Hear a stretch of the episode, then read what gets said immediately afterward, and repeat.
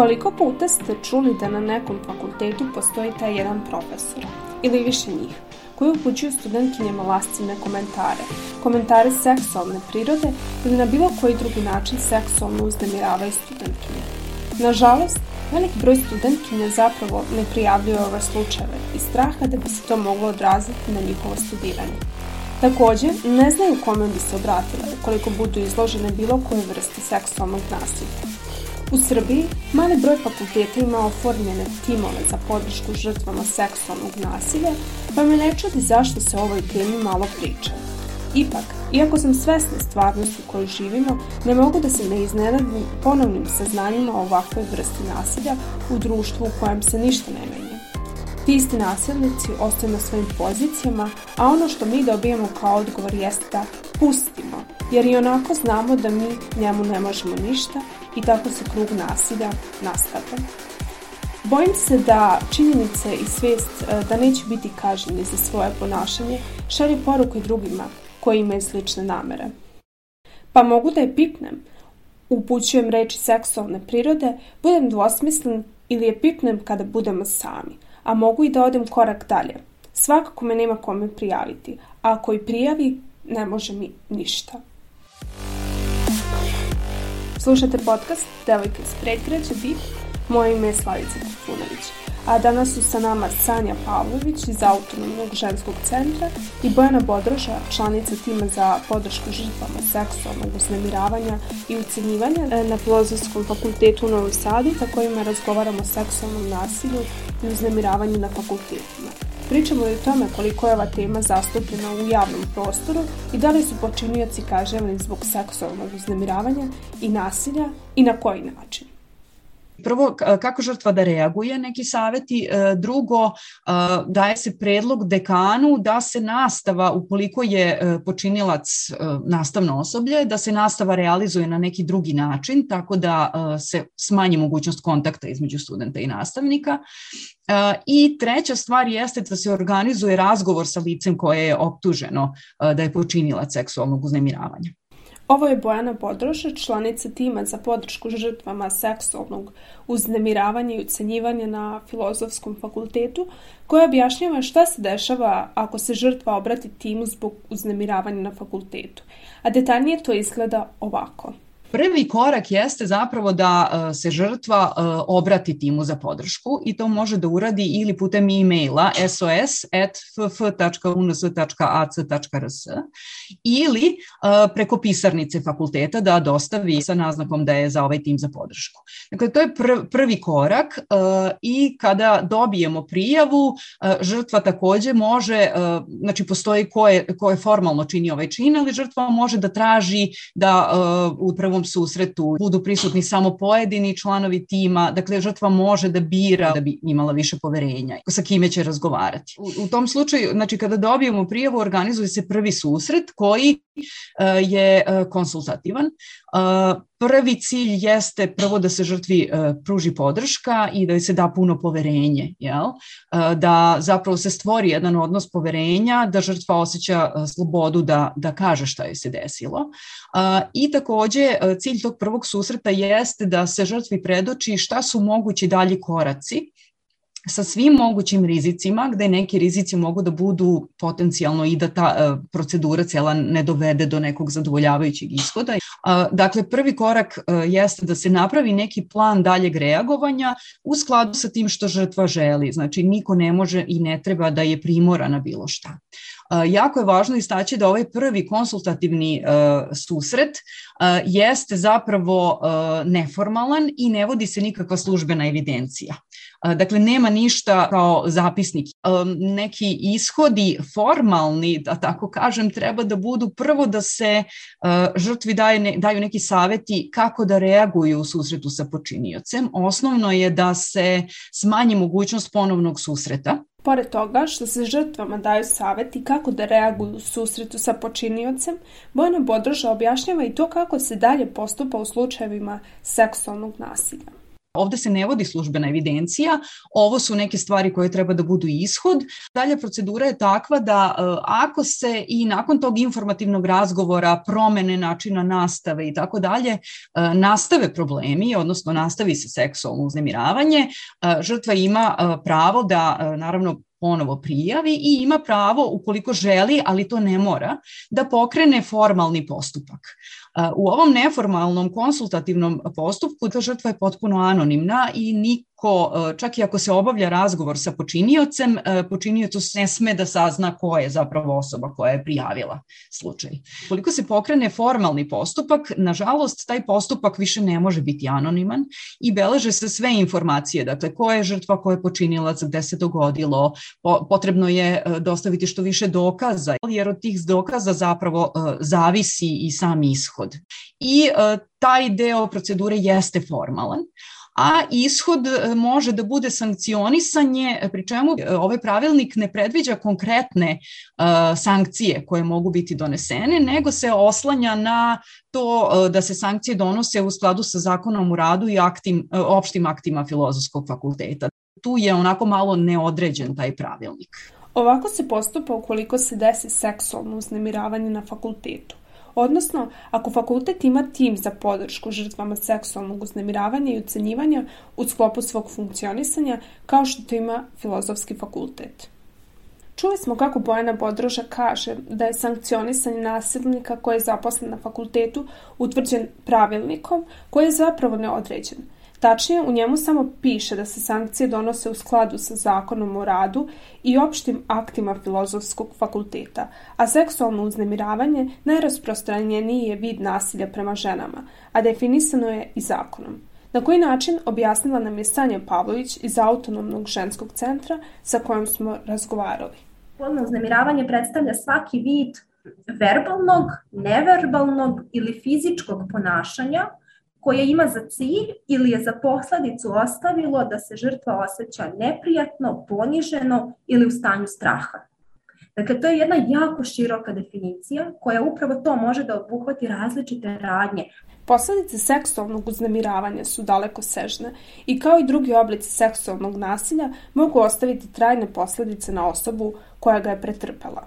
O tome kako društvo posmatra ovu pojavu, Sanja Pavlović kaže upravo to je jedan deo tog um, vela misterije koji postoji kada je reč o seksualnom uznemiravanju. Da se ono dešava isključivo onim devojkama i ženama koje su na bilo koji način provokativnije obučene ili se nekako izazovnije ponašaju, ovaj, i da su ste, iz, iz tog ugla gledano, dakle da su one na neki način tome doprinele, da su one to htele, da su one to izazvale.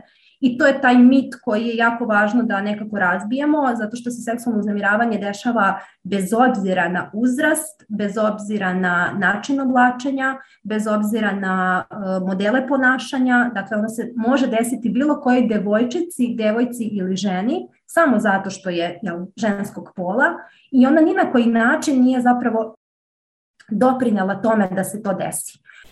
Redki su fakulteti na kojima je ova tema javno pokrenuta, a o njoj se još uvek najviše priča samo među studentkinjama, kada se međusobno upozoravaju šta da urade kod određenog profesora. Iako svesni da postoje profesori koji seksualno uznemiravaju studentkinje, adekvatna reakcija najčešće izostaje. Kada je reč konkretno o obrazovnim institucijama, čini se da u poslednje vreme se vide neki pomaci. Vidi se da je poslednjih nekoliko godina nekoliko fakulteta otvorilo tu temu u okviru svojih ustanova, da su doneti neki pravilnici koji se odnose na zabranu, odnosno zaštitu studenta i studentkinja od seksualnog uznemiravanja i ucenjivanja. Međutim, i dalje to ostaje više na nivou kako da kažem, ili formalnog dokumenta koji se ne primenjuje ili uh, ako dokument uopšte i ne postoji, ostaje na nivou neke javne tajne. Dakle, zna se da postoje gotovo na svakom fakultetu oni profesori koji to čine, Međutim, o tome se više govori među samim studentkinjama kada jedne drugoj daju savete šta raditi sa tim profesorom, kako otići na ispit, kako se obući, šta može da očekuje od njega, ali to ostaje dakle na tom nivou razgovora među njima samima. Zapravo ne dolazi do institucija i ne dolazi do adekvatnog odgovora te institucije. Prema istraživanju Viktimološkog društva Srbije, oko 17% studenta doživjelo je neku vrstu seksualnog uznemiravanja tokom studija, a najveći je broj studentkinja koje su to preživele. Žrtve seksualnog uznemiravanja mogu se obratiti i direktno policiji ili tužilaštvu, u ovom slučaju jer je ovo pitanje regulisano zakonom. Međutim, moraju podneti privatnu tužbu. Ali pre svega toga se mogu i obratiti nekim organizacijama, a u autonomnom ženskom centru mogu dobiti besplatnu pravnu pomoć. Ono što isto mogu da posavetujem jeste da sve devojke koje imaju tu potrebu da, da prijave e, seksualno uznemiravanje, bilo fakultetu, bilo e, tužilaštvu ili policiji, mogu pre same prijave da se obrate nekoj ženskoj organizaciji u okviru ženskih organizacija mogu da potraže i emotivnu podršku, ali isto tako i pravnu podršku. Dakle, pravnice koje će im mnogo bolje nego što sam to ja sada uradila, koje će im ispričati kako će taj proces izgledati i na što sve treba da budu spremne e, u toku tog procesa. Kako Sanja Pavlović kaže, važno je obratiti se i ženskoj organizaciji radi emocionalne, ali i pravne podrške – A kada je u pitanju zadatak jednog tima za podršku konkretno na filozofskom fakultetu, Bojana Podrža kaže da on izgleda ovako. Glavni zadatak ovog tima zapravo jeste da bude, da kažemo, za početak adresa kojoj se mogu žrtve obratiti, da pruži inicijalnu podršku žrtvi i da je upozna sa nekim procedurama, dakle šta može da očekuje, znači upoznavanje sa procedurama podrazumeva i to na koji način je moguće prijavljivati, dalje seksualno uznemiravanje ili ucenjivanje kao i koji su potencijalni rizici i tako dalje. Bitno je skrenuti pažnju na to šta je sve seksualno uznemiravanje Od obacivanja, preko snimanja bez dozvole, fotografisanje i žviždanje na ulici do neprimerenih reči i pogleda i tako dalje. Sve su to oblici uznemiravanja. Međutim, kako ističe Sanja Pavlović, ljudi uglavnom pitaju kako jedan pogled može da bude seksualno uznemiravanje. Kada se vi nađete, na primjer, u kabinetu sami sa profesorom, od koga vam zavisi ocena, od koga vam zavisi budućnost u nekom smislu, i kada vas on gleda na određeni način, mi znamo šta taj određeni način zapravo znači. To znači da se osjećamo neprijatno, da se osjećamo poniženo, objektifikovano, seksualizovano i nije čak nužno ni da se bilo šta izgovori u tom momentu. Sam taj pogled može da, da, može da stvori takav osjećaj straha u nama da zapravo uh, i to može da bude predstavljeno kao krivično delo. Problematično je što je rok za prijavu seksualnog uznemiravanja na pojedinim fakultetima ograničen na šest meseci od kad se uznemiravanje dogodi. Ovaj rok može biti problematičan iz više razloga, koje objašnjava Sanja Pavlović. Uvek smo insistirale na tome da taj rok bude, ako ne neograničen, onda makar da bude dovoljno dug da i oni koji završe fakultet nakon nekog vremena mogu da, da se obrate za, sa, sa nekom prijavom. I to je važno zato što um, se često dešava da profesori ne predaju samo jedan predmet, već da predaju više predmeta. Uh, može da se desi da, na primjer, se seksualno uznamiravanje dešava u toku prve godine studija, da studentkinja u tom momentu je još uvek dosta mlada, da ne zna kome može da se obrati, da nije povezana sa drugim koleginicama, studentkinjama, da osjeća se to upravo izolovano, sve ono što smo govorile i da ona u tom momentu nema dovoljno snage i hrabrosti da se bilo kome obrati, pogotovo znajući da će taj isti profesor, na primer, je dočekati na trećoj godini i na nekom drugom predmetu. U želji da zaštite svoj ugled i imidž u društvu, fakulteti će skrivati šta se dešava, kaže Sanja Pavlović. Bilo je slučajeva na nekim fakultetima Beogradskog univerziteta gde su profesori, na primjer, premeštani na neku drugu, um, neku drugu poziciju unutar ustanove ili slično, ali to nikad nije bilo iskomunicirano sa javnošću da se desilo zato što je on seksualno zamiravao studentkinje. I to je zapravo još jedan od tih dokaza da je to veliki tabu, da se o tome ne govori i da same ustanove zapravo se trude da misleći da će sačuvati svoj imidž time da o tome neće govoriti. Zapravo ono što je potrebno jeste da promenimo ceo taj način razmišljanja da mislimo da, da same ustanove promene način na kome pristupaju ovom problemu i da kažu ako se već to dešava na njihovoj ustanovi, onda da izađu u javnost sa time i da kažu da, to se dešava i evo šta ćemo mi sve da uradimo tim povodom. To je zapravo uh, čuvanje imidža ustanove. da adekvatno reaguju, da se suoče sa problemom koji postoji unutar njihovih redova i da kažu mi ćemo učiniti sve da zaštitimo studentkinje od toga. Sa druge strane, žrtve koje su pretrpele bilo kakav oblik seksualnog uznemiravanja mogu početi da krive sebe zbog svega što im se dogodilo. Između ostalog, to što se ne priča toliko o ovoj temi u javnom prostoru, a Sanja Pavlović ističe i da je bitno da se više devojaka udruži i da zajedno prijavi nasilje, jer ukoliko jedna studentkinja bude nastupala sama, nažalost se može dogoditi da joj ne poveruju. Nemaju zapravo adekvatnu, adekvatnu zaštitu. Um, to je dosta opasno jer onda upravo to dolazi do, do do tih psiholoških momenta gde same sebe okrivljujemo i gde, uh, se, gde se i nama samima čini pa dobro, možda se stvarno, pošto se to samo meni dešava, ja ne znam nikoga kome se to još desilo, možda ja stvarno jesam nekako doprinjala tome. Ali taj moment se to, dolazi do raskrinkavanja tek kada devojke počnu da razgovaraju jedna sa drugom i kada shvate da nisu same u tome, kada one između sebe počnu da se otvaraju, da se poveravaju i kada shvate da nisu same u tome. Kada je u pitanju seksualno uznemiravanje, podjednako mu mogu biti izložene i žene, i deca, i muškarci u različitim situacijama na različitim mestima. Da bi se digla svest o ovom problemu, potrebna je najpre edukacija, ali i upoznavanje sa tim šta je zapravo seksualno uznemiravanje. Odnos poverenja se ne stiče preko noći to je proces koji traje jako dugo e, i više godina može da traje zapravo. Dakle, nije nešto što će se promeniti preko noći donošenjem nekog pravilnika ili oformljavanjem nekog tima. Um, zato kažem da je važno da se na različite načine reaguje, da se uh, organizuju obuke, da se organizuju predavanja, uh, da postoje plakati koji informišu uh, studentkinje šta je zabranjeno i kome mogu da prijave to što je zabranjeno. E, drugo, ono što nekako mislim da je važno je da e, na neki način se pronađe mehanizam kojim će i same studentkinje učestvovati u donošenju odluke ko će sedeti u tim timovima jer je jako važno da studentkinje budu te koje kažu, e, ja imam poverenja u ovu profesorku, a nemam poverenja u ovu profesorku. Hajde da glasamo i da u taj radni tim koji će se baviti time zaista bude izabrana osoba u koju studenti i studentkinje imaju poverenja. Bojana Bodroža objašnjava šta je potrebno da se uradi kako bi se podigla svest o postojanju ovog problema. Prvo i osnovno jeste da se stvori jedna opšta atmosfera uh, koja jasno komunicira da takva ponašanja nisu dozvoljena.